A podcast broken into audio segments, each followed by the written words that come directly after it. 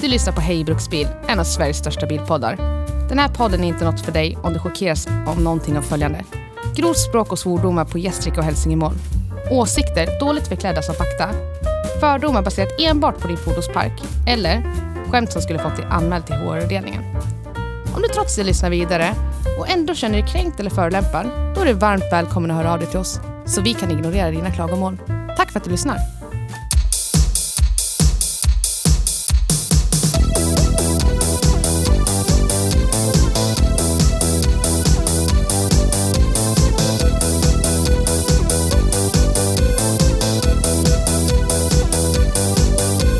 Nu ska vi se. Toyota Hilux. Du vaknar upp i mörker. Det enda du hör är en ringande ton i öronen. Det har ont i hela kroppen. Dina kläder har delvis bränts upp och kastats av din sargade kropp. Är det så? Du känner att det är för rökigt och dammigt för att få luft. Så i ett mödosamt krafttag lyckas du kravla dig mot det lilla sken av ljus som du ser på din vänstra sida. Okej. Du lyckas ta dig ut ur ruinerna av skyddsrummet som du rusade till för några timmar sedan. Dina ögon sluts igen av tröttheten.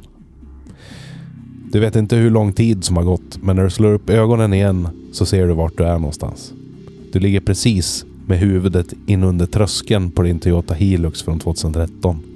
Du och den är de enda överlevande efter atombomben som kommer att få namnet Store Gunnar i historieböckerna.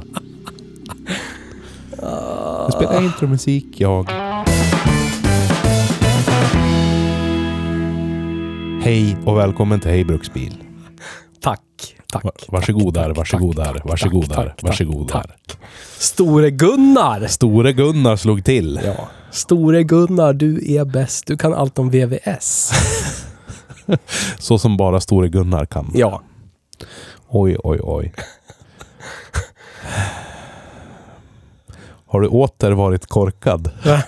Du ska ta dig dit direkt. Ja. Hur går det med kadutten? Går det bra eller går det som vanligt? Va? Va? Får jag fråga det? Går det bra eller går det som vanligt? Synd att det är så många fler felande delar på en kadett än ett spett. Bara. Så är det. Ja. Så. Jag vet inte riktigt vad som kan gå fel med spettet. Att det till slut, 60 år senare, rostar bort. Jag tror inte 60 år räcker riktigt. Jag har förstört några spett i mitt det? yrkesliv. Böjt dem. Men Oj, oj, oj. de går ju ändå att spätta med. Maskulint. Ja, eller hur? Man har inte arbetat på riktigt om man inte har böjt ett spett. Så är det. Ja, det... Allt jag har böjt är kablage. Det är lite, det är lite lättare att böja. Kablageböjelse Ja. var det. Precis. Kablage och ryggen. Ja, den har jag också böjt. Men eh, kadetten då? Ja. Går han jättefint eller? Nja, Ja, då. går ju bra på fullgas. Numera går den ju bra på fullgas och medium mycket gas. Oj, oj, oj. har snart renoverat dig genom hela den där bilen innan du hittar vad det är som är fel. Så är det. Men i en... Eh, nästan som en, en eh, kadett GM-psykos. Håller han på att dö. Är du algerisk? Japp. Då lever det. Ja, så, så, Nej, men, så är det. Som i en psykos igår kväll. Jag kunde inte somna för det här håller på att äta upp mig inuti. Den här jävla biljäveln. Jag skulle bara köpa någon shitbox och åka till jobbet i. var ju problemet. Och då jobbar jag alltså typ 600 meter ifrån där jag bor. Och inte ens det lyckas den klara av att ta mig. ja. Men då slog det mig BTR'n. Bränsletrycksregulator. För det slog mig, det tror jag vi sa tidigt i de här tidskrävande krävande driftstörningarna i någon återkork. Att biljäveln gick ju av sig själv fast spridarna var urkopplade. Ja, precis. Eh, och jag tänkte på det, jag tänkte på det. Så kollade jag runt på www och du vet, det är helt orimligt. För om, om spridarna skulle vara igenkläggade så att du får en sopig spridarbild och de inte riktigt stänger. Det är ju inte så att det är så mycket som kan ta sig igenom där. Nej. Och då, då får man liksom kanske en droppe varannan sekund är högsta flöde. Och det räcker liksom inte för att, för att motorn ska gå och gå och gå gå gå för evigt och evigt och evigt om man lämnar den på tomgång. Och då slog det mig bara var... Det slog mig var eh, vakuumslangen går in någonstans, insuget till BTR'n. Från BTR'n. Mellan insuget och BTR'n. Precis, precis över förgreningen till trean och fyrans cylinder. Ja. Och det är trean och fyrans cylinder som har haft äckliga, vidriga tändstift. Trean och fyrans cylinder som har varit sotig på kolvarna. Eller hur? Jajamän. Så det slog mig att eh, det måste vara ett internläckage i BTR'n. Och det stämmer ju med hur den beter sig också. Ja, visst. För att den har gått sopfett. Den går ju fetare och fetare och fetare om man lämnar den på tomgång. Tills den till slut bara går på två burkar. Ja. Och så fort du gasar till den så börjar den gå på fyra. Om du kör så är det lugnt. Då går den på fyra. Men om du stannar vid typ ett rödljus och låter den gå på tomgång. Då känner man hur den liksom börjar gå sämre och sämre och sämre och så börjar den liksom hoppa lite. ja. Som om den går på två burkar. Och så varvar du ur den lite så går den på fyra igen. Så jag tog bort eh, jag tog bort slangen idag. Va- Vakuumslangen. Bakom slangen mellan BTR och insuget. Ja. Och tro på fan att det stinker soppa och det droppade soppa om den jävla slangen. Ah.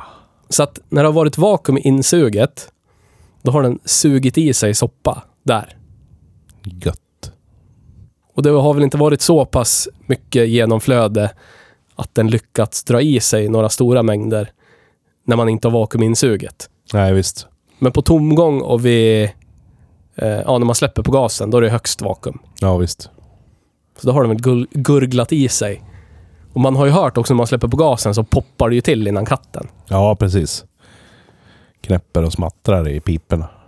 För jag tänker om det skulle vara typ landan och sådär, då skulle man ändå ha en jämn äckelpäckel sotbild över alla cylindrar. Ja, och så har det ju inte varit alls. Nej. Så sen förra gången, sen förra gången vi pratade om det här, så har jag eh, klämt på nya kabelskor skor på alla jordpunkter. Motorjorden var ju typ en en kvadrats kabel som gick från generatorn till eh, eh, vad heter det, fjäderbenslagringen. Där den sitter fast på passagerarsidan. Typ nog för att, att jorda en eh, halvljuslampa eller någonting. Ja. Och den som ska vara motorjorden hade de dragit till innerskärmen som karossjord. Så jag bara satte tillbaka den på motorn och så drog, byggde jag en ny. Jag bara tog en, en rätt dimensionerad kabel, typ 3,5 kvadrat. Eh, fem kanske var till och med. Skitsamma. Till karossen. Och då började den ju gå bra över hela registret, förutom just på tomgång. Liksom. Ja. Det har varit eh, många demoner under den där huven för att den ska ha gått så pissigt som den gjorde från början. Men nu tror du alltså att du har hittat alla? Ja, Eller?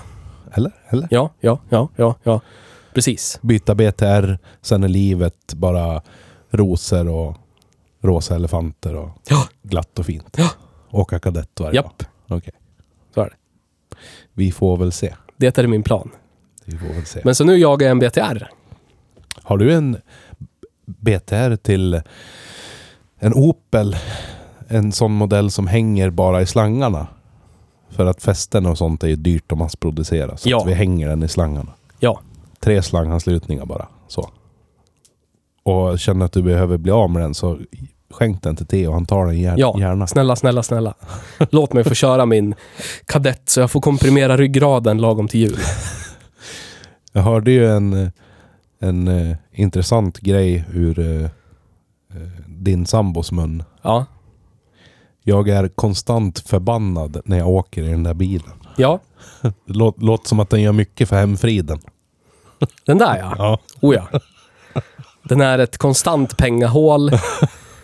Eh, det slog mig att jag nollade trippmätaren när jag tankade den i Björklinge på vägen hem. Typ Ja. eh, en och en halv mil från där jag köpte den. Så nollade jag trippmätaren och så har jag inte rört trippmätaren sedan dess. Så tankade jag den nu i helgen. Ja. Vet du hur många mil jag har kört sen jag köpte den i Björklinge? 12? 13,9 stod Åh den på. Så ja, nästan 14 mil. Långfärd sådär. Oh ja. Vad är det? Tre eller fyra veckor? Tre veckor? Direkt Ah, är det är mer? Det måste vara fem veckor nu. Åh jävlar. jävlar vad bra. Och då brukar jag köra Lilla Fiestan från 91. Den ställer jag upp i ur och skur. Ja. Eh, Så en vanlig vardag om jag ska köra ungarna fram och tillbaka till skolan, du vet, etc. Så blir det ju liksom i alla fall sex mil om dagen. Ja. Så på två och en halv dag borde jag vara uppe i det där. Ja. Så lite har den gått. Mm. Ja. Det är kul. Jättekul. Kul på jul. Du då? Nej. Nej. Nej. Tält på Alkba. Ja. Ja. De gamla vanliga. Ja. La- lackerat mot- motorutrymme på skeva, men det tror jag vi pratade om i förra avsnittet. Va? Kanske Eller? det. Ja, ja.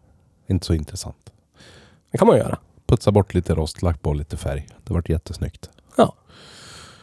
Kanske eventuellt att jag lägger upp en forumtråd på den bilen snart.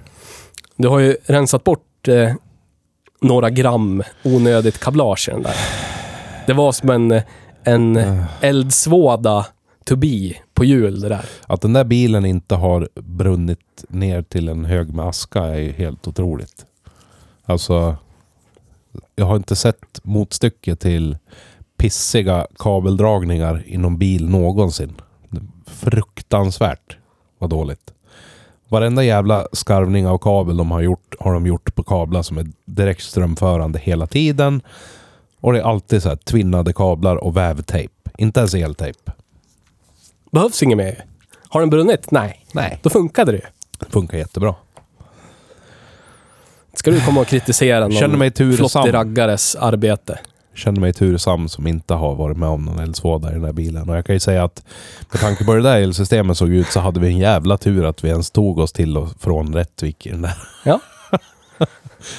Men ja, jag har eh, säkert en 30-40 meter onödig kabel ligger på arbetsbänken i garaget nu som jag klippt bort ifrån bilen. Och så har jag gjort i ordning kabelstammarna som de hade varit och klippt och klistrat i så att de är som i originalutförande igen. Du är duktig du. Någon lär ju vara duktig. Kan ju lika gärna vara jag. Ja. Du borde ju få någon medalj. Att du, att du liksom eh, räddar en kulturskatt. Nej du. Nej, Jag har du. väl hört om det här fruktansvärda jävla nya EU-förslaget. Det där ja, med Mm. skrota bilar, Ja. miljöfarligt Japp. Ämne. Ja, jag har hört den. Helt plötsligt så kan man få sin veteranbil klassad som skrot och så tas den ifrån en och pressas till... Ja, Men det är väl bara om den är obesiktad va? det spelar ingen roll, kan jag tycka. Spelar ju absolut ingen roll. För vilket annat föremål som du äger kan någon helt plötsligt gå in och bara Du, den där ska inte du ha längre. Joink! Så. Utan Ja, att det, är ersätta lite, det är lite totalitär regimvarning. Lite! Lite! Det är jävla diktaturvarning. Alltså, om de hade vad valt, är det här? Om de hade valt typ bara Volvo eller någonting så skulle jag kunna gå med på det. Men nu får de ju skärpa sig. Nej, men jag håller med. Det är obra. Jag förstår inte hur de ens eh, Sånt här sker ju sig inte. saker. Sånt här sker ju inte i en modern värld. Att man ens tänker det tanken det är- på att göra det så här. Det här är ju i eh, Hej Politik-podden, som vi inte har startat än. Men det är bara att kolla på eh, Chat Control. Har du läst det direktivet? Ja, Det är helt hjärndött. Det går inte ens att genomföra tekniskt. Någon har bara suttit och drömt ihop det och tror att vi är i en jävla Terminator-värld. där allt går att göra. ja. Det, det går inte. Praktiskt helt omöjligt att genomföra. Jag funderar ju. Hur ska de bryta loss bilarna ur mina händer då? Ska de dyka upp där med ett gäng biffiga grabbar med tre bokstäver på ryggen och... Nej, men de, Nu tar vi dina bilar grabben. ja, men de plockar väl dig först och så kan de operera i lugn och ro sen. Helt jävla befängt där. Eller så ser de till att de typ skrotar papperna så är bilen obrukbar. Det är bara en hög med plåt till slut. Så kan du inte använda den. Så fort den är synlig ute på allmän väg så kommer de plocka Men dig alltså- och den. Så här är det att om de nu skulle göra någonting som ens närmar sig det här förslaget som jag skulle kunna tänka mig och eventuellt gå med på. så är det ju antingen att jag får en ersättning för bilen, alltså en, en skrotningspremie helt enkelt. Ja. Och den ska ju vara värdig. Bilens tidigare marknadsvärde liksom. Men jag tycker inte det är okej ändå. Vad skulle ha? Eller om de nu skulle avregistrera den utan att jag får säga någonting, men jag får behålla den, så är det också okej. För då kan jag fortfarande sälja delar ifrån den. Som din skeva inte går igenom besiktningen och så låter du den stå i tre månader utan att fixa den. Du Ja. vet, för det är vinter. Ja. Så plockar de den på våren sen. När det har gått tre månader eller någonting. Vad de nu har för period de tycker att det får gå innan det är miljöfarligt Ja, ämne. Miljöfarligt avfall. Det är helt galet. De kommer ju inte att plocka mina halvtomma sprayburkar. Nej. Varför gör de inte det då? Vad ska de plocka bilen för? Lättare att plocka bilen. Den har ju liksom en identitet. Usch, Går många sprayburkar på en bil, vet du. usch, usch, usch. Ja, det är hemskt. Man vill jabba någon i ljumsken. Så känns det. Många gånger i ljumsken. Så du säger att någonting så fint som min kadett inte skulle få gå på allmän väg? Det är ju Oj, helt ja. befängt det. Är en ren dröm det. Nej. Nu släckte han lampan. Doktor Mörker. Får ont i själen. Akta bakhuvud. Aj. Ja, nej, det är... Hej eh, politik. Ni får... eh, Ni som lyssnar, gå in och titta. Kolla upp det. Jag kommer inte ihåg vad det här direktivet heter, men... Nej, inte jag heller. Eh, ja, bilar som farligt avfall får ni säkert upp vettiga saker på Google till exempel. Finns även eh, protestlistor att skriva i sig. Ja, gjort. För allas vår skull. Ja. Oavsett om du är BMW-förare eller Volvo-förare eller jänkförare. Vad det nu är som ditt hjärta klappar för. Det gäller alla veteranfordon. Ja, Så att, kul om någon har en typ... Eh, inte fan vet jag.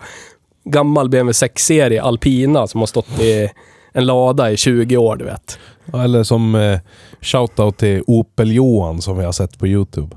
Som äger eh, flera stycken Lotus och Meger och Ja, hela hans samling bara hej då. äh, skrot Ett livsverk bara tas ur händerna på honom. Grejer för flera miljoner. Hej då. Bra det. Helt Nej. plötsligt ansöker halva Sverige om typ norskt medlem, vad heter medborgarskap. ja. Alla bilar blir flyttgods till Norge. Japp. Nej, för fan. Nej, det kan aldrig gå igenom. Jag hoppas verkligen inte det. För då Ja, det är helt hjärndött. Hur fan ska de... de, de åh, nu ska man inte bli politisk, men du vet, med tanke på allt som händer i det här landet just nu. Hur vilka, vilka skulle driva igenom det här? Skulle de ha en ny del av ordningsmakten som skulle åka och plocka Ja, det det bilar från laglydiga Det medborgare? är det jag liksom? undrar. Dyker det upp tre biffiga snubbar liksom. Ge mig nycklarna. Förstår du? Jag skulle sabotera allt. Skulle svetsa ihop allt. Svetsa igen alla Ja, dörrar. Skulle bara här. fucka upp allt totalt. Samma här. Gjuta fast biljäveln i backen. Köpa allt flytspackel som går att kö- köpa, kapa upp taket, fylla bilen med flytspackel. Ja, det blir övervikt det här, det här kan jag inte ta med er. Synd grabbar. Bryt ni mot lagen. Åh gud. Ja. ja, då kan vi ha, ha en affärsidé. Eh, vi, vi går ihop, vi, vi fixar något avtal med typ Gehander eller någonting. Så kan vi åka och fylla alla bilar med grus. Yxa upp taket på bilarna, fylla dem med grus innan, innan ordningsmakten kommer och plockar dem, eller myndigheten. Grus är för lätt. Vi tar betong istället. Ja, betong. Ja. Köp en gammal betongbil och så åker vi och betongfyller alla bilar Yes. som de ska komma och hämta. Ja. Ja. Tar Kul. de nu då? Ja, jävlar. Ah. Nej, vi kan inte bli politiska. Eller? I det här fallet blir vi jävligt politiska. Spelar ingen roll vilket parti man röstar på, så här får det inte gå till. Så är det. Spelar absolut ingen roll vad man röstar på liksom. Det. Ge fan i kulturen. Röstar inte du på Specialdemokraterna? Jag lyssnar. Jag, jag röstar på... Vad fan är det de kallas nu då? Spagettimonsterkulturen, vad hette de? Har du inte sett den? Jo, jo, jo. jo. Jag fö- följer ju deras religion och jag röstar på deras... Pastafarianerna. Ja, röstar på deras parti. fanns ett, eh, jag kommer inte ihåg om det var valet, eh, jag kommer fan inte ihåg vad det var för val, om det var 2016. Nej, när var det val? 2018? 2014? Kanske det var. Det var några hundra personer i det här landet som röstade på ett parti som heter Esenhemmer plastpåsar och barnuppfostringsredskapspartiet. De får min röst alla dagar i veckan, kan jag säga. Ah, bra. Ja, Någon lär ju stötta dem. ja. ah, yes. Nej, du vet du vad? Nu jävlar får det räcka. Jag Ja, blir bara sorgsen och arg. Idag har vi kört en fantastisk arbetsbil. Toyota Hilux från 2013. Vad var först, första känslorna du får i kroppen av den här bilen? skottsäkert. För evigt och evigt och evigt maskin. Ja, Ja, precis samma som jag känner. Odödlighet. ja. At- atombomben Store Gunnar har ingenting att sätta emot Nej. den här. Det är så när, när apokalypsen är och kommen och människan är utrotad så kommer det att stå miljontals körfärdiga Hiluxar överallt i Ja. många år. så är det bara. Det här måste ju vara den bästa eh, bilen att göra en apokalypsvagn av. Bara klä in i bepansrade stora plåtlakan. Ja. och du tänker, har du sett Mad Max 2? Nej, Du har inte sett Mad Max 2? nej. Jävlar. Jag tänker en sån framtid. Då lär du se... Jag kan spela upp intro till den sen. När han kör en Ford Falcon XT. XT! Med, med kompressor. Nice. Manuell låda. Nice. Och så har han två eh, typ cisterner i bak. För, ha, för att hitta soppa. Hela filmen går ut på att han åker bil för att hitta bensin så han kan tanka bilen. Så han kan åka bil för att hitta bensin så han kan tanka bilen. För Ja, att hitta bensin så han kan tanka bilen. han är verkligen galen den där Max. Ja. Någon sån postapokalyptisk värld. Yes. Så skulle man ju kränkt upp någon sån här farmartank på flaket på den här. Ja, Och bara åkt. jajamän. Slagit hål i, i voltade typ lastbilars tank och plockat ut diesel och hällt ner i tanken på den här. Ja. Etc. Varför gör det det? Så jag kan raida andra lastbilar, så jag kan ta deras diesel, så jag kan åka min Hilux. Den här eh, bilen har ju vi lånat av min arbetsgivare. Eh, eller en av dem ska jag säga. Och det är ju anledningen till att jag har mer eller mindre levt med den här bilen de senaste tio åren, sedan den Ja. var ny. Eh, vi köpte in den här strax innan jag fick körkort. Ja. Jag har bara haft det i blott nio år. Jag. Tio år menar jag, förlåt. Tiden går fort, men sakta. Så är det. Eh, och någonting som alltid är lika roligt att reflektera över när jag kör den här är att den inte åldras i hur den känns att köra. Den känns likadan i stort sett rakt igenom nu som den gjorde när den hade gått fem mil. Ja. Och nu har den gått 23 300 mil. Ja. Nu tänkte jag säga något jätteäckligt, men det är för mycket. Inte ens Jonas Inde skulle säga det. Nej, då kanske du ska låta bli. Ja. Shoutout till Jonas Inde. För vi pratar ju så sällan om honom. Ja. Pratar hellre om honom än Bianca. Ja, det gör vi. Det är Nisses grej att prata om Bianca. Kanske han som är liksom cred-centrum. Jonas Inde. Ja. Ah, ah, råder delade meningar om det. Kan Alla, säga. alla vill vara som han. Oh ja. Oh ja. Oh ja. Nej men... Eh, som sagt, den här bilen. Jag har ju kört många tusentals mil i den här. Jag har kört mycket andra pickuper också, men eh, den här har på något sätt fått sin egen lilla plats i hjärtat. Jag förstår så. Den har varit som en, som en trogen hund genom det svåraste av eh, stormar och, och eh, olyckliga tider. Men det känns ju absurt. Du sa att ni inte har bytt batteri. Ni bytte batteri efter tio år. Ja, det bytte bytt- vi nu förra veckan. Bromsbelägg fram en gång på Ja. 23 000 mil. Yes. Och så har ni bytt spridare. Yes. En spridare började tjafsa efter typ sex år. Då hade de väl gått 17 000 mil. Eller något. För jag kollade. Det, det enda... Det var två vanliga problem med de här.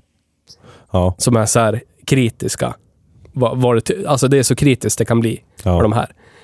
Det är spridare som läcker.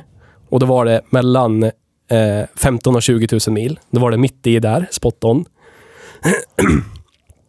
och så var det ehm, sunkiga synkringar i manuella lådan. Att det är svårt att få i femman typ. Var Okej. det många som gnällde på. Ja, jag har aldrig känt av. Nej, men ni kanske har tryckt mest motorväg med den milen liksom. Ja, så är det möjligt. Har ju kört mycket i stan visserligen, men alltså, det är klart det mesta är väl kanske motorväg. Jag vet inte. Men vad sa du, de här australienarna? Ja, eh, Mighty Car Mods. Ja, Yes. den de hade köpt hade sunkig låda. Ja. Men det kanske var en automatare. Nej, det var manuell. Det kanske är något sånt med den liksom. Kan vara, men den ha- hade ju gått, jag tror det var typ 40 000 mil. Och sen hade väl den gått ute i the outback med ett sånt där skåp bak på. Aha. Så den hade väl levt ett rätt så hårt liv vad jag förstod. Och sen grejen var ju att de hade ju aldrig servat den där. Så att allting var ju slut på den. Aha. Men eh, jag försöker minnas nu vad det var som var fel. Och jag tror nog att det var nog det som du sa precis. De inte fick i femman. Ja, du ser. Så att, Men det verkar vara de två. ja. Det är det enda jag kan hitta.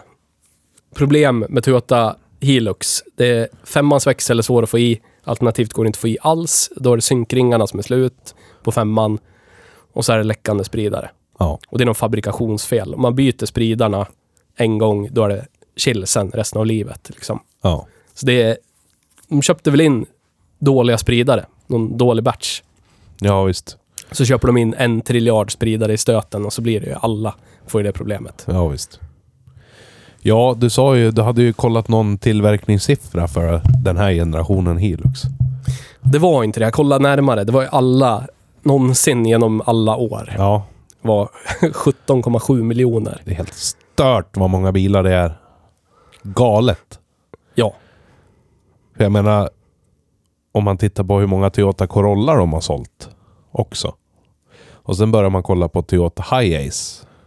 Det är liksom, tar man de tre modellerna. Det är så mycket bilar som man inte ens kan förstå hur mycket bilar det är. Ja, det är så. Och det är bara att jämföra med typ Ford Focus MK1 som sålde fruktansvärt, fruktansvärt, fruktansvärt, fruktansvärt bra. Ja, Jag tror de sålde två miljoner någonting ja visst. totalt under hela livstiden. Visst, det var ju bara typ fem år eller någonting, men ändå. Det är otroligt mycket bilar. Fruktansvärt mycket bilar. Ja, det är. För det är ju det är inte var och en som åker Toyota Hilux heller. Nej. I staterna har de ju ingen fäste av de 300 miljoner människorna. Om man jämför med de amerikanska pickuperna. Bara som exempel. Men jänkarna tycker om pickisar. Ja, Men de känns som de tycker om... Det ska vara amerikanska pickisar. ja visst. Det ska vara typ hel soffa och så ska det vara rattväxel och det ska vara automat. Du vet, Precis. groteskt stora. Det största Det här är en liten pickup i amerikanska Ja, det här kallar ju de för minitruck. Ja, Och vi tycker att det är en stor pickis. ja. Eh, det där är ju sjukt det. För den här lilla, lilla gulliga Hiluxen får ju lasta typ lika mycket som de får på sina stora. Ja. Ofta så har du ju ja, ja, en stor skeva Silverado ja, från 92. Ja, men du får ju lasta exakt lika som den här Hiluxen som är en meter kortare, en halv meter smalare, en halv meter lägre. Och väger ett ton mindre. Men då, verk, då brukar de ju ha fruktansvärt höga vikter de får dra. Jänkepickisarna. I alla fall i staterna. Ja, Det är typ så här från 3 ton är ju typ en Ford F150 liksom. ja visst. Köper du en 350 får du ju dra så här 6-7 ton eller någonting. Det är helt vidrigt mycket. Japp. Men inte lasta så mycket. Nej. Nej, du får dra tungt. Jag vet inte hur de ser på dragvikten på Hiluxarna i USA, men eh, det borde ju vara tämligen högt. Men det är väl det att om man ska dra tungt så måste bilen vara tung också för att det ska bli stabilt liksom. Ja. Men Hiluxen har ju någonting som ingen av de här amerikanska pickuperna har. Vad? En hel boxad ram hela vägen. Inga C-kanaler, ingenting sånt. Utan det är, det är liksom fyrkantsbalk rakt igenom hela ramen. Nej, fint det. Så den är stum. Flexar Men det hade ju Navaran också vi körde förra veckan. Ja. De är liksom, de är stumma. totalt stumma. Men Navaran spricker och går av ändå. Japp.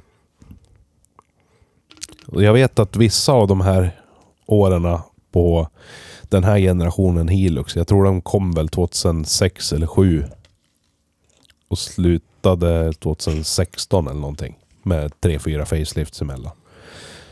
Något, någon av årtalen så hade de ju bekymmer med att de rostade extremt lätt i ramen. Så att eh, eh, det var ju det var väl den stora rostdöden som tog dem ett tag där. Ja. Men det verkar ju inte som att nästan någon pickup-tillverkare är fredad ifrån det.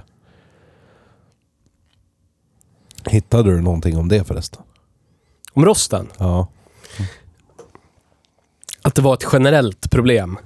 Men det var inte, det är inte Navara, hej jag går av om du låter det rosta för En, en länge. grupp på Facebook med 27 000 medlemmar för att min Navara har gått av. Nej, inget sånt. Nej. Ingen Hilux, breakage, Nej. inget sånt. Snap Chassis Group. Yes. det är helt sjukt det. Ja, det är det. det.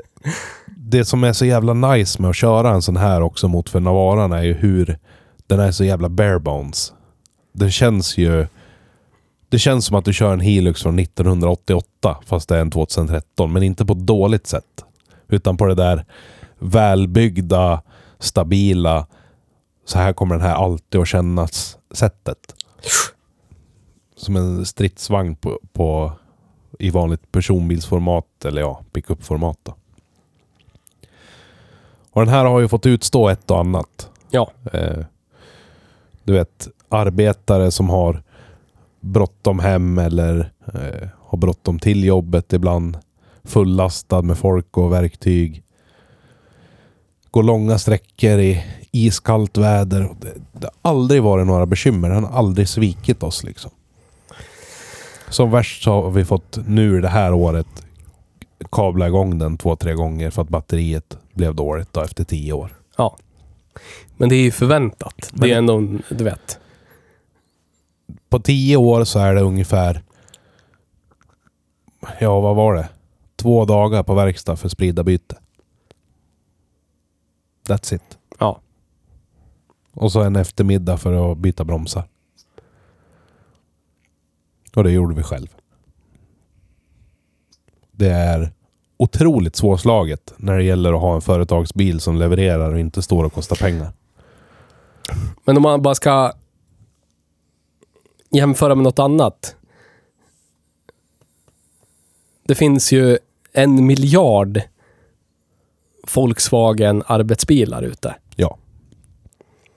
Det är ju kvalitet har man hört. Det är ju, det är ju bland det finaste vi har i Europa. Volkswagen, vet. Mm. Visst. Det måste ju vara lika skottsäkert. Nej. Eller? Nej. Du vill att jag ska berätta om Caddien? Ja, kanske. Eh, år 2007 så köpte samma företag som äger den här en Volkswagen Caddy 1,9 TDI.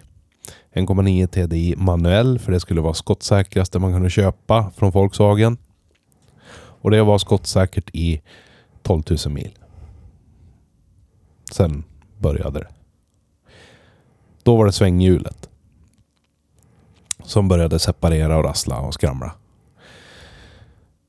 Efter det bytet på ja vad det nu vart, 17 000 eller någonting. Svänghjul, tryckplatta, slavcylinder, bla bla bla. Byter ju allting när man ändå har det isär. Ja. Så gick den ungefär 3000 mil. Innan partikelfiltret var tvungen att bytas ut. Tyvärr. Skönt. Nej. Det var det också ganska dyrt. Jag tror det var 8-9 tusen för filtret. Eh, det vart bytt och sen fick vi åka i, jag tror det var 2 eller 3 tusen mil till. Innan ABS-enheten gav upp bara sådär. Ja. Så att, och tydligen så gick det ju inte att, att bara byta den heller. För då hade jag ju kunnat köpt den på skroten och byta den. Man var tvungen att koda in den och köra någon specialsekvens med, med pumpning genom den för att det skulle gå att lufta och bla bla bla. Japp. Så att billigaste möjliga alternativet vi fick fram så vart det ändå typ 7000 spänn. Skönt. Sen sålde vi den så fort vi bara kunde efter det. Så då hade den gått typ 18 000 mil, alltså 5 000 mil mindre än vad den här har gått. Och den hade... Ja, vad fan kan det ha varit totalt då? 30-40 lax i reparationskostnader. Alla bilar går ju sönder vet du. Det där drabbar ju alla bilar. Det är alla bilar är sådär. Och den var, hade stora eh, lacksläpp i skärmkanterna runt om också. Och på trösklarna. Så att det började rosta Nej! Inte skulle en vagbil rosta från den där generationen. Nu är det ju bara absurd. Nej, nej. Absolut inte. Visst sir. Så det var ju kvalitet. Ja. Jag hade en Volkswagen Transporter T4 ett tag också. Den skar ihop. och nu har vi en T5 och den mår inte heller sådär jättebra. Den har vi fått byta en hel del grejer på. Skönt. Nej. Men de här transporterbilarna som vi har haft, de räknas liksom inte. För båda de har ju gått en bra bit över 30 000 och det är inte vi som har haft dem utan vi har köpt dem med de miltalen. Ja. Så kan man inte liksom tänka efter hur pass väl man har skött om grejerna heller. Nej. Och det är ju så här, som den här Hiluxen då.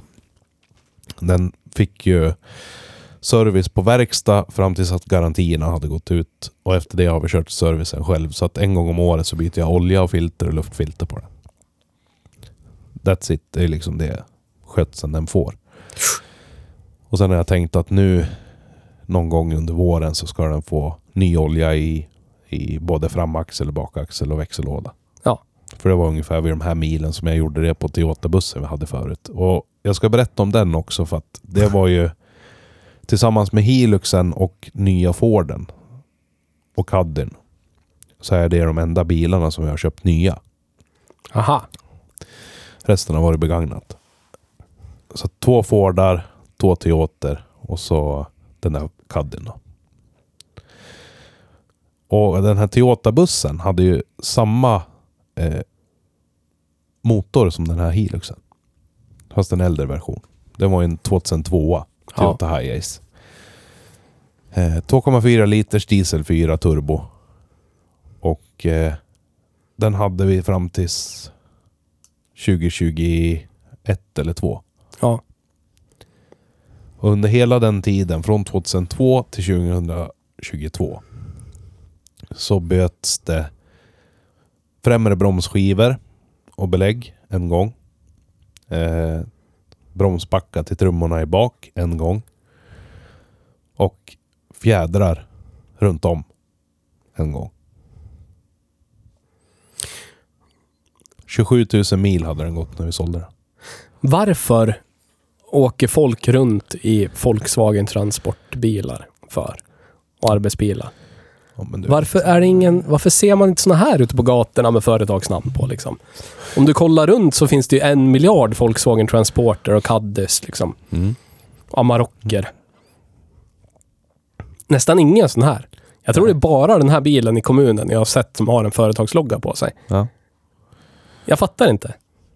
Är det fruktansvärd marknads, marknadsföring från Toyota? Eller vad, vad är det för någonting som gör det?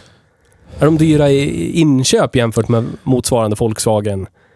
Är det sopiga leasingavtal, företag som leasar dem? Alltså vad fan är det för någonting?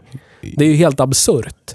Jag tror att mycket att det är en dels så är det det är det man ser att folk kör. Man ser att folk kör ju Volkswagen, då är det det man ska ha. Ja, visst Kanske är det den så. grejen. Och sen tror jag det är lite så här också. De som köper billiga pissbilar till sina företag. Ja. Typ Citroën Nemo, Ja. Peugeot Bipper och sånt i den sfären. Mm. Det är de enda som går och tänker att jag ska köpa en sån avskalad arbetsbil som möjligt så att den är kostnadseffektiv. Den behöver inte ha massa lullull. Det räcker att den har farthållare och AC så är vi nöjda. Ja. De går ju aldrig att titta på en Hilux för det är för, det är för dyrt. Eller en Toyota-buss. Det blir för mycket pengar för dem. Då, då blir den liksom i ett mellansegment. Där det är fortfarande en väldigt avskalad och enkelt uppbyggd bil som inte har all, all den senaste tekniken. Men den är hållbar och kostnadseffektiv.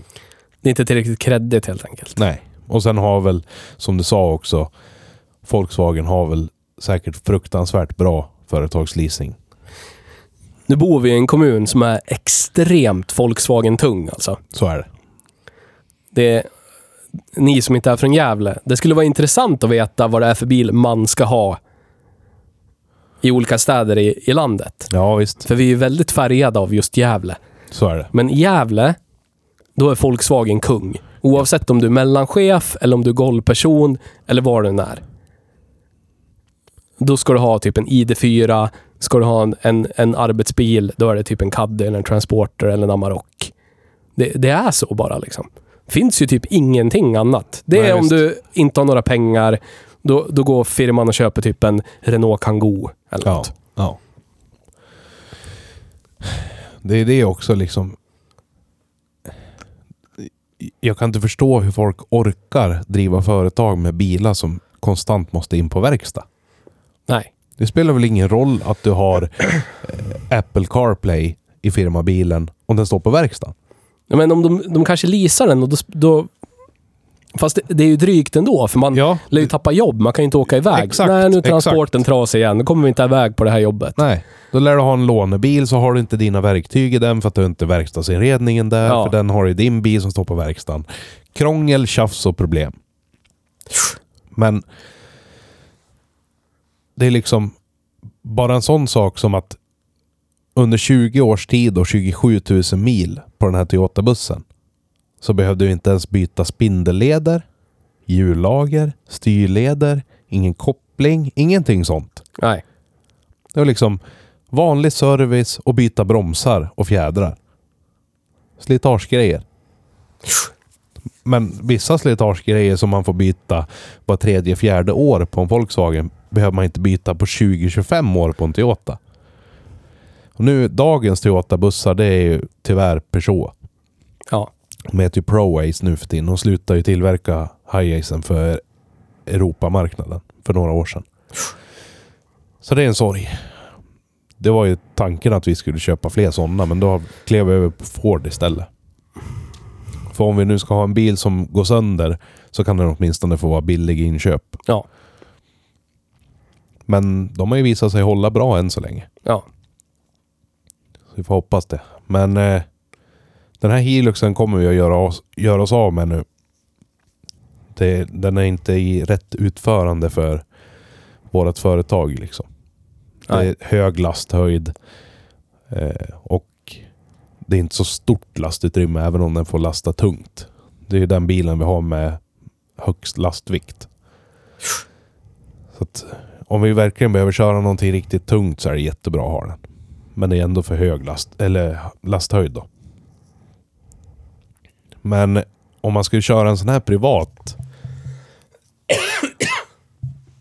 Då tror jag då tror jag nog inte att man är någon som är ute efter att ha en flashig pickis.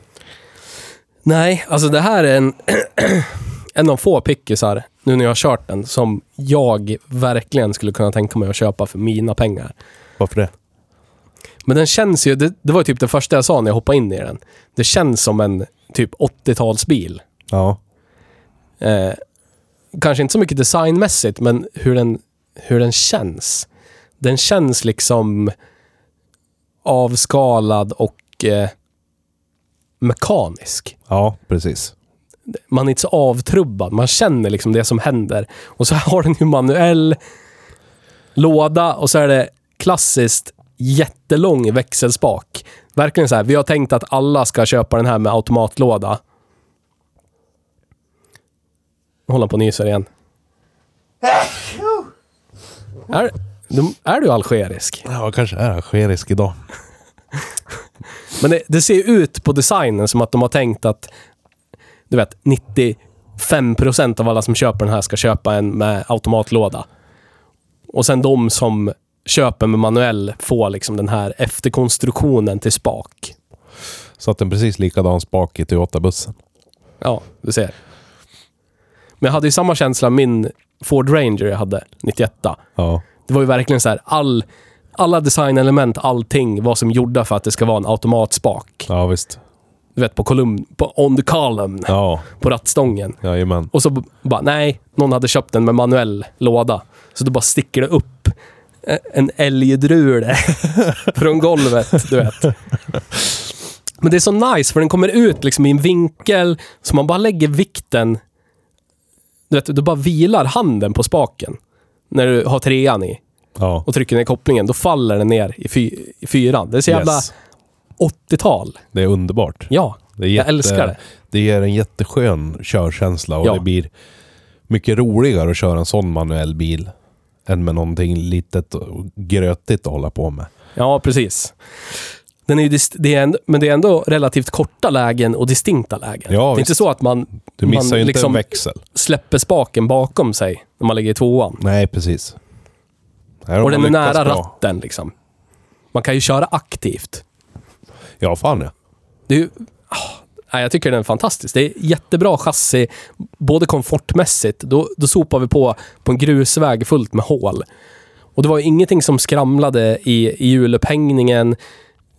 Visst att det skakade till i, i kupén, men det var inte så att man bröt ryggraden när man åkte där. Liksom. Ja, nej.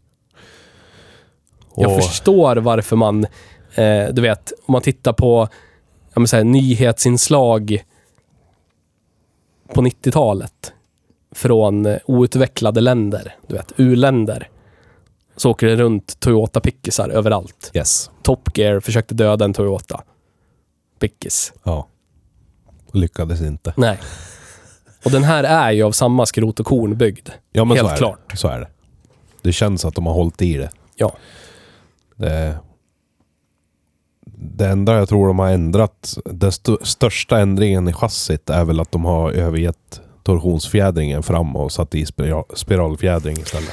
Det känns ju som en uppgradering det. Ja. Så är det. Men det är, det är fortfarande bladfjädring bak liksom. Stelaxel, lamelldiff, riktig mekanisk fördelningslåda med spak för att lägga i fyrhjulsdriften eller eh, lågväxel. Det är så det ska vara. Ja men det tycker jag också för då behöver man aldrig fundera och vänta på några jävla lampor som blinkar och grejer. Nej, precis. Har du lagt i fyrhjulsdriften så är fyrhjulsdriften i. Japp. Ska du fotografera mig nu? Nej. Nej, du bara sitter och facebookar eller något. Nej, det gör jag inte. Det har jag aldrig dokumenterat hållit på med telefonen under inspelning. Nej. Nej, det. Nej, det. Men ja, det är ganska intressant att vi har kört den här nu direkt efter Navaran. För då får man ju verkligen känna skillnaden mellan en pickup som faktiskt är det den utger sig för att vara och en som försöker vara lite av allt men inte är någonting. Håller du med? Ja. Jag hörde inte vad du sa. Nej, fattar jag väl. Titta i telefon. Ja. Jag tänker inte upprepa mig heller. Nej. Det var något jag skulle, som jag skulle ta upp om Hiluxen. Jaha. Men jag, jag har browsat bort från den hemsidan. Det var det jag satt och Jaha. försökte hitta. Ripp. RIP. Vet du vad den kostar i skatt då? Nej, men jag kan kolla. För all del. Jag har för mig att det är något liknande som Navaran. Vad fan var det? Sju och ett halvt? Men det känns ju som att vi står inför en ny Malays-era. Det var lite billigare skatt. Vad var det då? 5378 kronor. Ja, du ser. Inte så illa. Nej. Och den här går ju faktiskt hyfsat billigt också för att vara en bil som väger typ 2,3 ton och har jättestora däck. Så mellan 0,8 och liten. Aldrig fått den att dra i liksom 1,3 eller något sånt där. Utan det är typ liten som värst. Ja. Men visst känns det som att... Malais-eran, säger du? Ja, jag tänker på rosten. Ja. Vi har ju det, ord. Vi har ju dieselmörkret från typ 2005 och så 10 år framåt. Där. Yes. Det är typ allt, allt, allt, allt, allt, allt, allt, allt är dieslar. Och allt, allt, allt, allt, allt rostar så in i helvete. Ja. Den här är ju där. Och visst, ni har ju skött om den här mer än vad man kan förvänta sig av en arbetsbil, men den har ju börjat rosta ändå. Ja, vi har väl inte varit så jätteduktiga på tvättan eller? Det har vi inte varit. Men den kanske har klarat sig bättre än vad man kan förvänta sig av, eh, du vet, jämnåriga VAG-produkter till exempel. Ja, det har den ju. Så. Men ändå, det känns ju ändå som att det är... Det är ju inga, det är inga rosthål i den än. Men eh, lacken runt bakre skärmkanten har ju börjat bubbla och blivit lite brunt. Ja. Flagna inne på kanten liksom. Ja. Men det är inte så konstigt heller att det blir så på en sån här där eh, däckmönstret går ut nästan utanför skärmkanten. Nej, så här. Vi är ständigt blästrad med sten. Om man tittar på eh, trösklar och dörrar och bakre lämmen på den så är det ingen rost där. Utan det är just bakre skärmkanterna och bakre delen av främre skärmkanterna som är drabbade. Ja. Och sen under då så är det ju ytrost överallt. Men det är ju, när vi köpte den här, jag kommer ihåg att jag tog ett litet steg tillbaka när jag insåg att okej, det är bara blank lack på ramen, ingenting annat. Och det är bara blank lack under bilen, Ja. ingenting annat. Inget body, inget skydd, ingenting. nej, nej.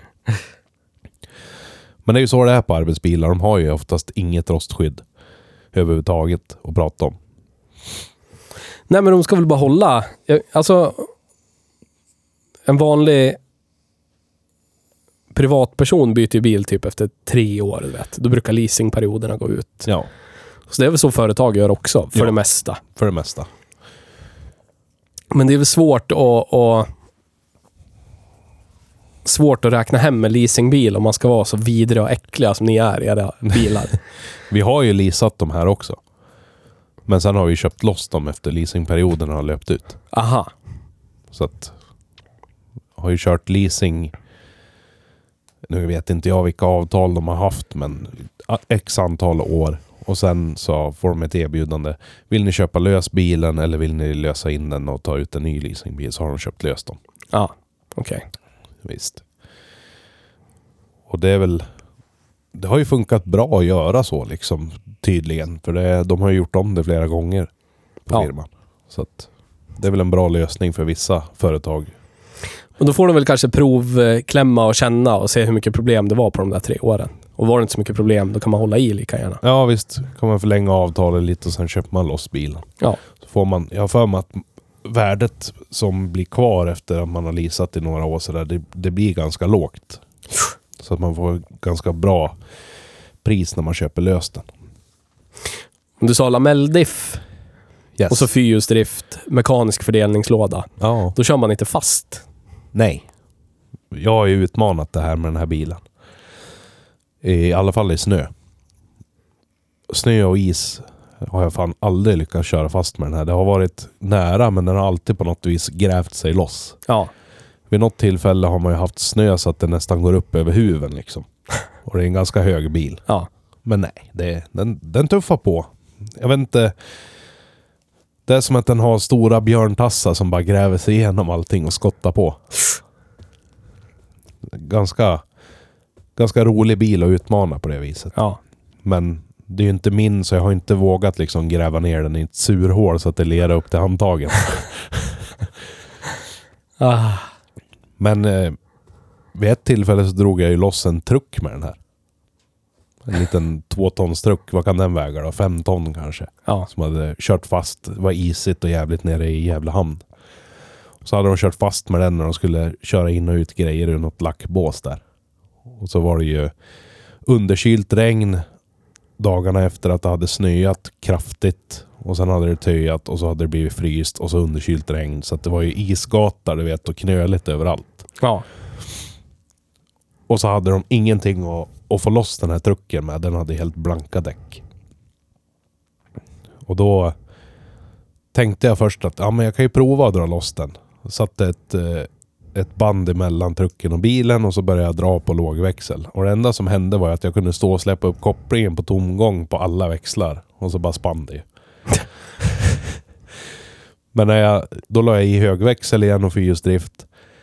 Och så la jag i typ trean eller fyran. Och så gasade jag på och släppte upp kopplingen så att den började riva loss alla fyra. Och då lyckades den släppa upp den ur den där lilla gropen som den stod i. Så att de kunde köra in den igen.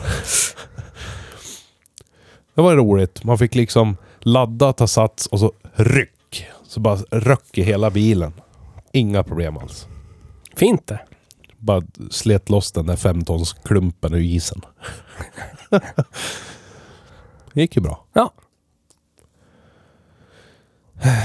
Vad säger du? Ska vi ge oss in på El Drifto del Credo? Det här kan bli en ny toppnotering det. Jag tycker det är en etta, ja. En, en, en och en halv. En och en halv. En och en halv. Nej, vad har vi högst upp nu? Toyota Century. Fast den, den fick ju den platsen bara för att det var den. Okej, men den, den har ju jävligt mycket redundans. Den har ju Ja. dubbla ECU, den har Ja. allt mellan himmel och jord. Det finns jättemycket som kan fela på dem. Det, det finns det inte på den här. Nej, men jag menar, det, det finns mycket reservutrustning Ja, det finns det. som gör att den alltid fungerar. Ja, ja, alltså den blir stående tror jag inte är någon risk med en, med en Century. Men det finns mycket som kan krångla. Så är det. Tidskrävande driftstörningar. Så att... Men ja, jag, Men vad, jag förstår helt er bedömning i att sätta den som ny toppskala på driftsäkerhet. För att det känns som att en sån aldrig skulle kunna fela för en. nej. Så är det. Vad är näst högst upp då? Nisses jävla Suzuki säkert. Oj, oj, oj. Honda Civic 1998. Den här som vi... Min, min, mitt lilla turbobygge. Vad fick den då? 9,3. Ja, men den här lär jag mer. Jag, jag, jag vill Toyota inte... Prius två- 2017 9,2. Har vi något mer som är över 9?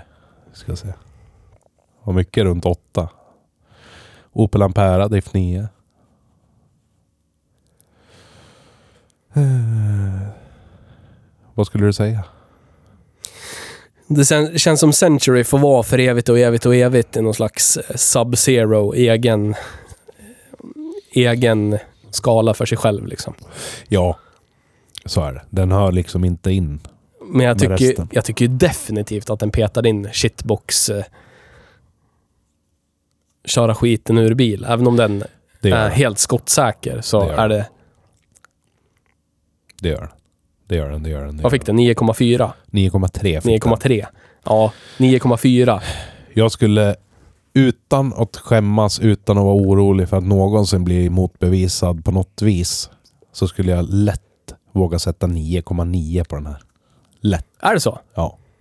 Jag har kört många tusen mil i den. Jag har levt med den i tio år. Jag vet precis vad den går för. Den här bilen är det sista som felar i ditt liv, jag lovar. Självsäkert. Ja, men, men sätt, sant. sätt 9,9 då. Det skulle vara så jävla kul om man hade äckligt mycket pengar. Och göra en Whistling Diesel. Och köra heavy testing på sådana här. Ni som inte har kollat in hans kanal och sett när han gör tester på Toyota Hilux, gör det. Jag vet att det är fruktansvärt att han gör som han gör med en sån vacker och fin Hilux. Men det är jättehäftigt att se hur mycket jävla stryk de tål. När man verkligen sätter dem i test. Och hur han eh, kör skjortan av sådana här rockclimbing-bilar uppför ett berg. Med en helt standard Hilux.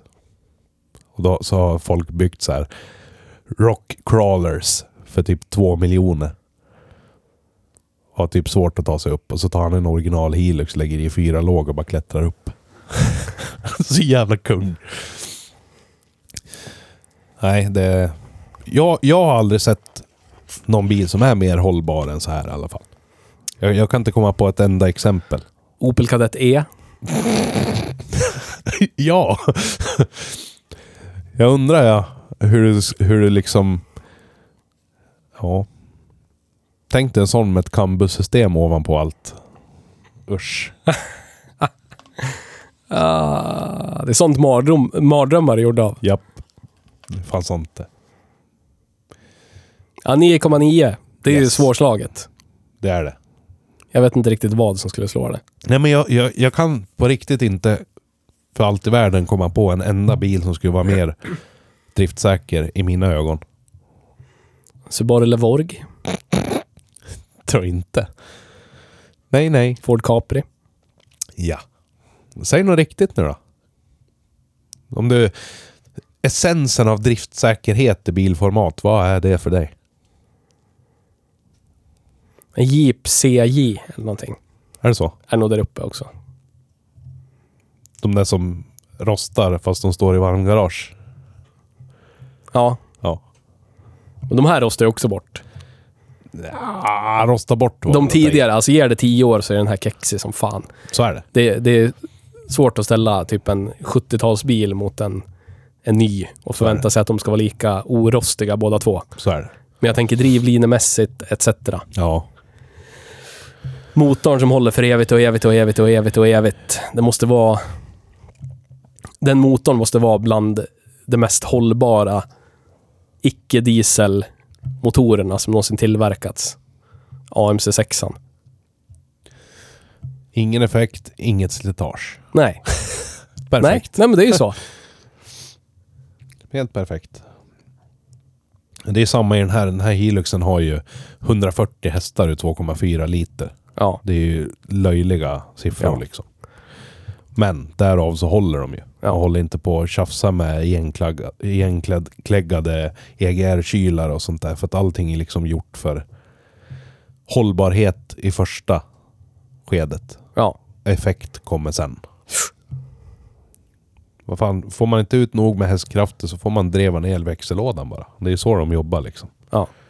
Så orkar den ändå dra och ta sig fram. Men ja.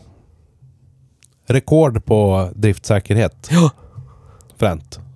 Har vi slagit rekord i cred och driftsäkerhet på bara några veckors mellanrum. Blir som när Nisse inte är med.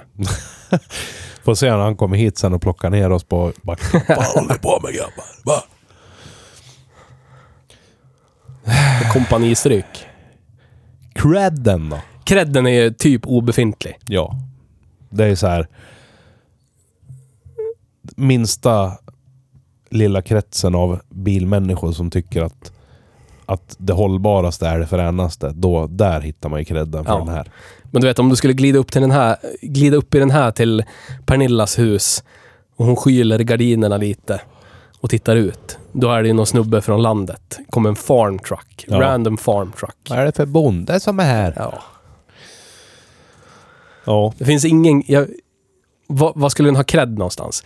I offroad, hela overlanding-communityt. Ja. Där, där. Där. Där är en kung. Ja.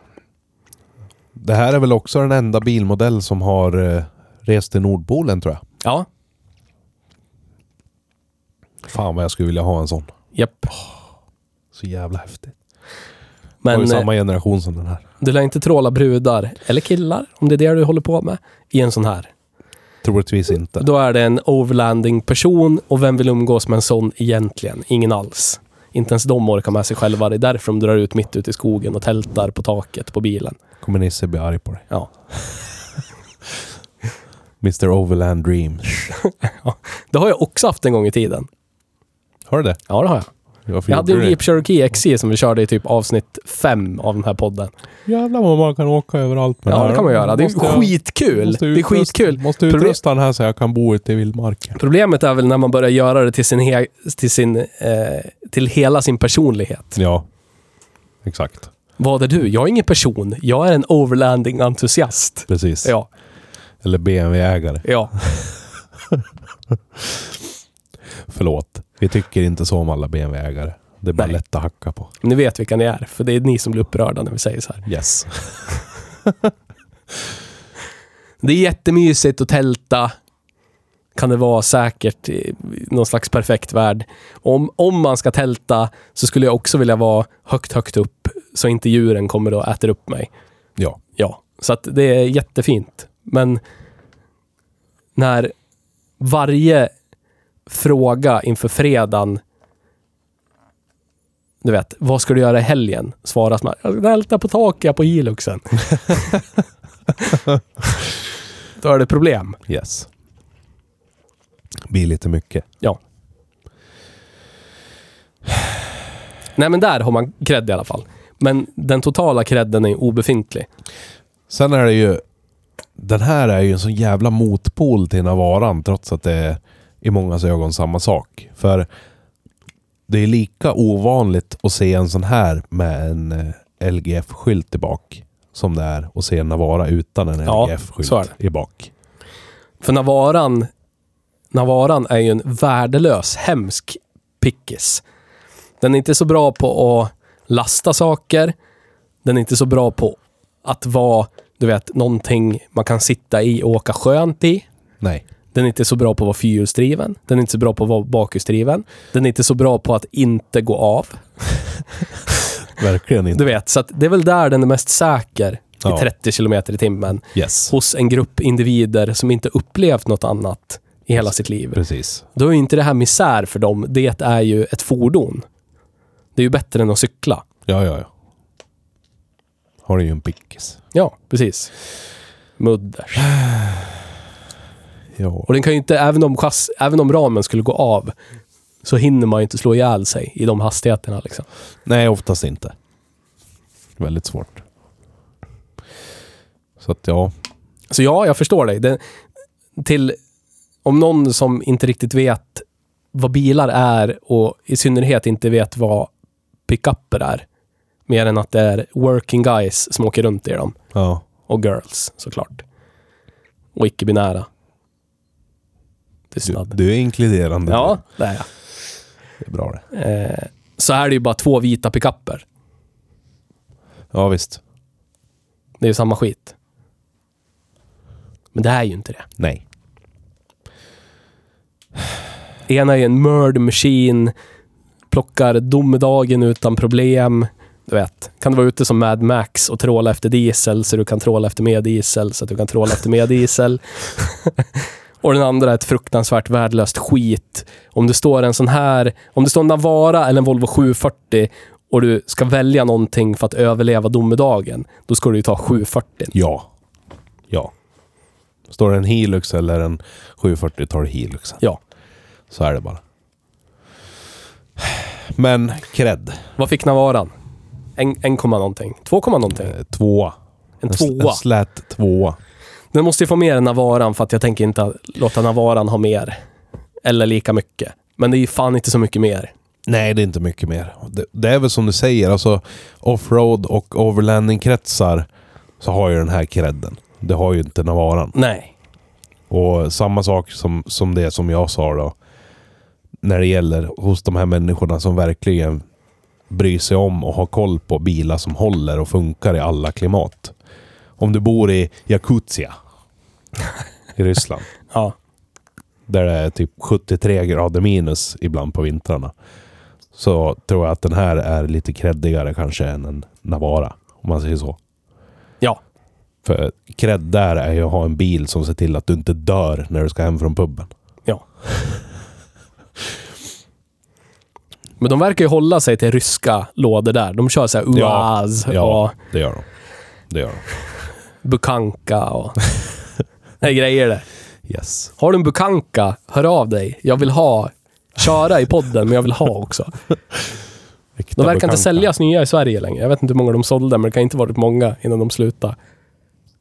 Har de sålts alltså? Ja, fan ja. Jävlar. Eh, samma När firma var som kränk... 1967 eller? Nej, relativt nyligen. Typ något år sedan. What the fuck? Samma firma i Filipstad som krängde Sangyong nya. Okej, ja ja.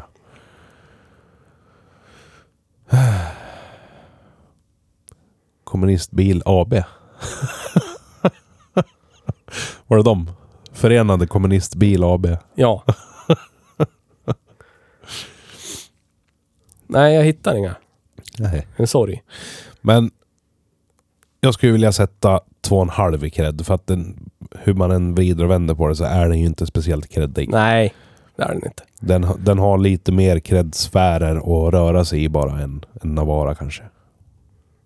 Jag tror vi gav Navaran en tvåa enbart för att den kan vara typ creddig för den som eh, bär Carhartt-kläder och så vidare. Men två och en halv då. 2,5. 2,5. Och då är skalan hemma igen. Så som den ska vara. Hög drift, låg cred och vice versa. Ja, Mycket bra. mycket bra. Nästa avsnitt blir 155 det. Är det så? Inte många avsnitt kvar till årskrönikan du. Nej, så är det. Sen kan det ju hända att det blir något avsnitt snitt som uteblir när vi kör studioflytt också. Vi får se om vi får ihop så att vi kan spela in hemma hos mig under tiden. Ja, vi ska ju byta lokal. Ja, Så är det. Men det är inte förrän efter årskrönikan. precis. Men vi får väl preppa in between the days och se till att vi har vi har din kassa att spela in i. Jag tänkte ställa en fråga till er som lyssnar. Om det är någonting speciellt ni vill att vi ska gå igenom eller prata om i årskrönikan så skicka in förslag och önskningar. För vi, vi är öppen för allt möjligt. Jag vet inte, vad har vi spikat att vi ska göra i årskrönikan förutom det vanliga? Gå igenom årets bilar lite grann då. Någonting som jag skulle vilja göra är ju om vi får tid, vi kanske får göra en tvådelad årskrönika så är det ju revidera cred, drift och cred-listan. Ja, men jag tänker det gör vi samtidigt. Det skulle vara kul om vi får tid att göra det samtidigt. Det, det kommer ju ta ett tag. Ja, Vi ska ju sitta och jabba. Triangel av jabb. japp. Men som sagt, är det någonting annat som ni vill att vi går igenom i årskrönikan så passa på. För det kanske blir en lång, lång, lång special det. Precis. Jul, julöl och pepparkakor. Jag skulle vilja livesända hela den grejen på tuben. Oj, oj, oj, oj. Det törs man inte. Åh då grabben. Du har ju så mycket grodor i käften. Nej då. Jo, det har du. Nej då. Jo, det har du. Håller mig lugn jag för evigt och evigt och evigt. Säger han medan han sitter och frenetiskt hoppar med båda benen fast han sitter still. Det är för att jag måste tömma mig. Ja, det måste jag gå. Ser du mig göra sådär? Nej. Nej. Konstant lugn ja. Evigt lugn. Tror inte. I övrigt. Ni vet. Vägen till, eh, till att vara en god lyssnare är att göra som vi säger. Gå in och köp Ah. merch. Ja. shop.hejbruksbil.se Vi ska ju släppa lite jultröjor och grejer snart också. Yes. Önskemål där, skicka in till oss. Det är Ja. bara att prata genom text eller annat. Media. Precis. Gå in på forumet. Skriv en tråd om varför Toyota Hilux är den sämsta pickuppen som någonsin har tillverkats och alla Japp. borde åka... Eh, vad heter det nu då? Fan. Opel Campo. Ja, Opel Campo. Exakt. Fan, hur visste du det? ah. Shoutout till eh, Nisses farsa. Han har haft en sån. Japp. Jag och brorsan har dödat en sån. Det var jätteroligt. Hade han dekal på baklämmen. Som det stod ta det lugnt, ta en toj. Vit klassiker. Och, vit och sönderrostad Opel Campo. Klassiker. Den var fin han. En och en halv hytt. Är inte de som har typ 3 eller 3,2 liters fyra? Ja. Har jag för mig. Japp. Sjukt. Quality car. Yes. In på sociala medier. Följ oss. Gilla, visa att ni lyssnar där också. Japp. Så får vi väl säga tack för den här veckan fast det vart lite kort avsnitt. Eller? Eller? En kvart för kort, Ja, typ. Och så hörs vi nästa vecka. det gör vi. Tack för idag. Hej då.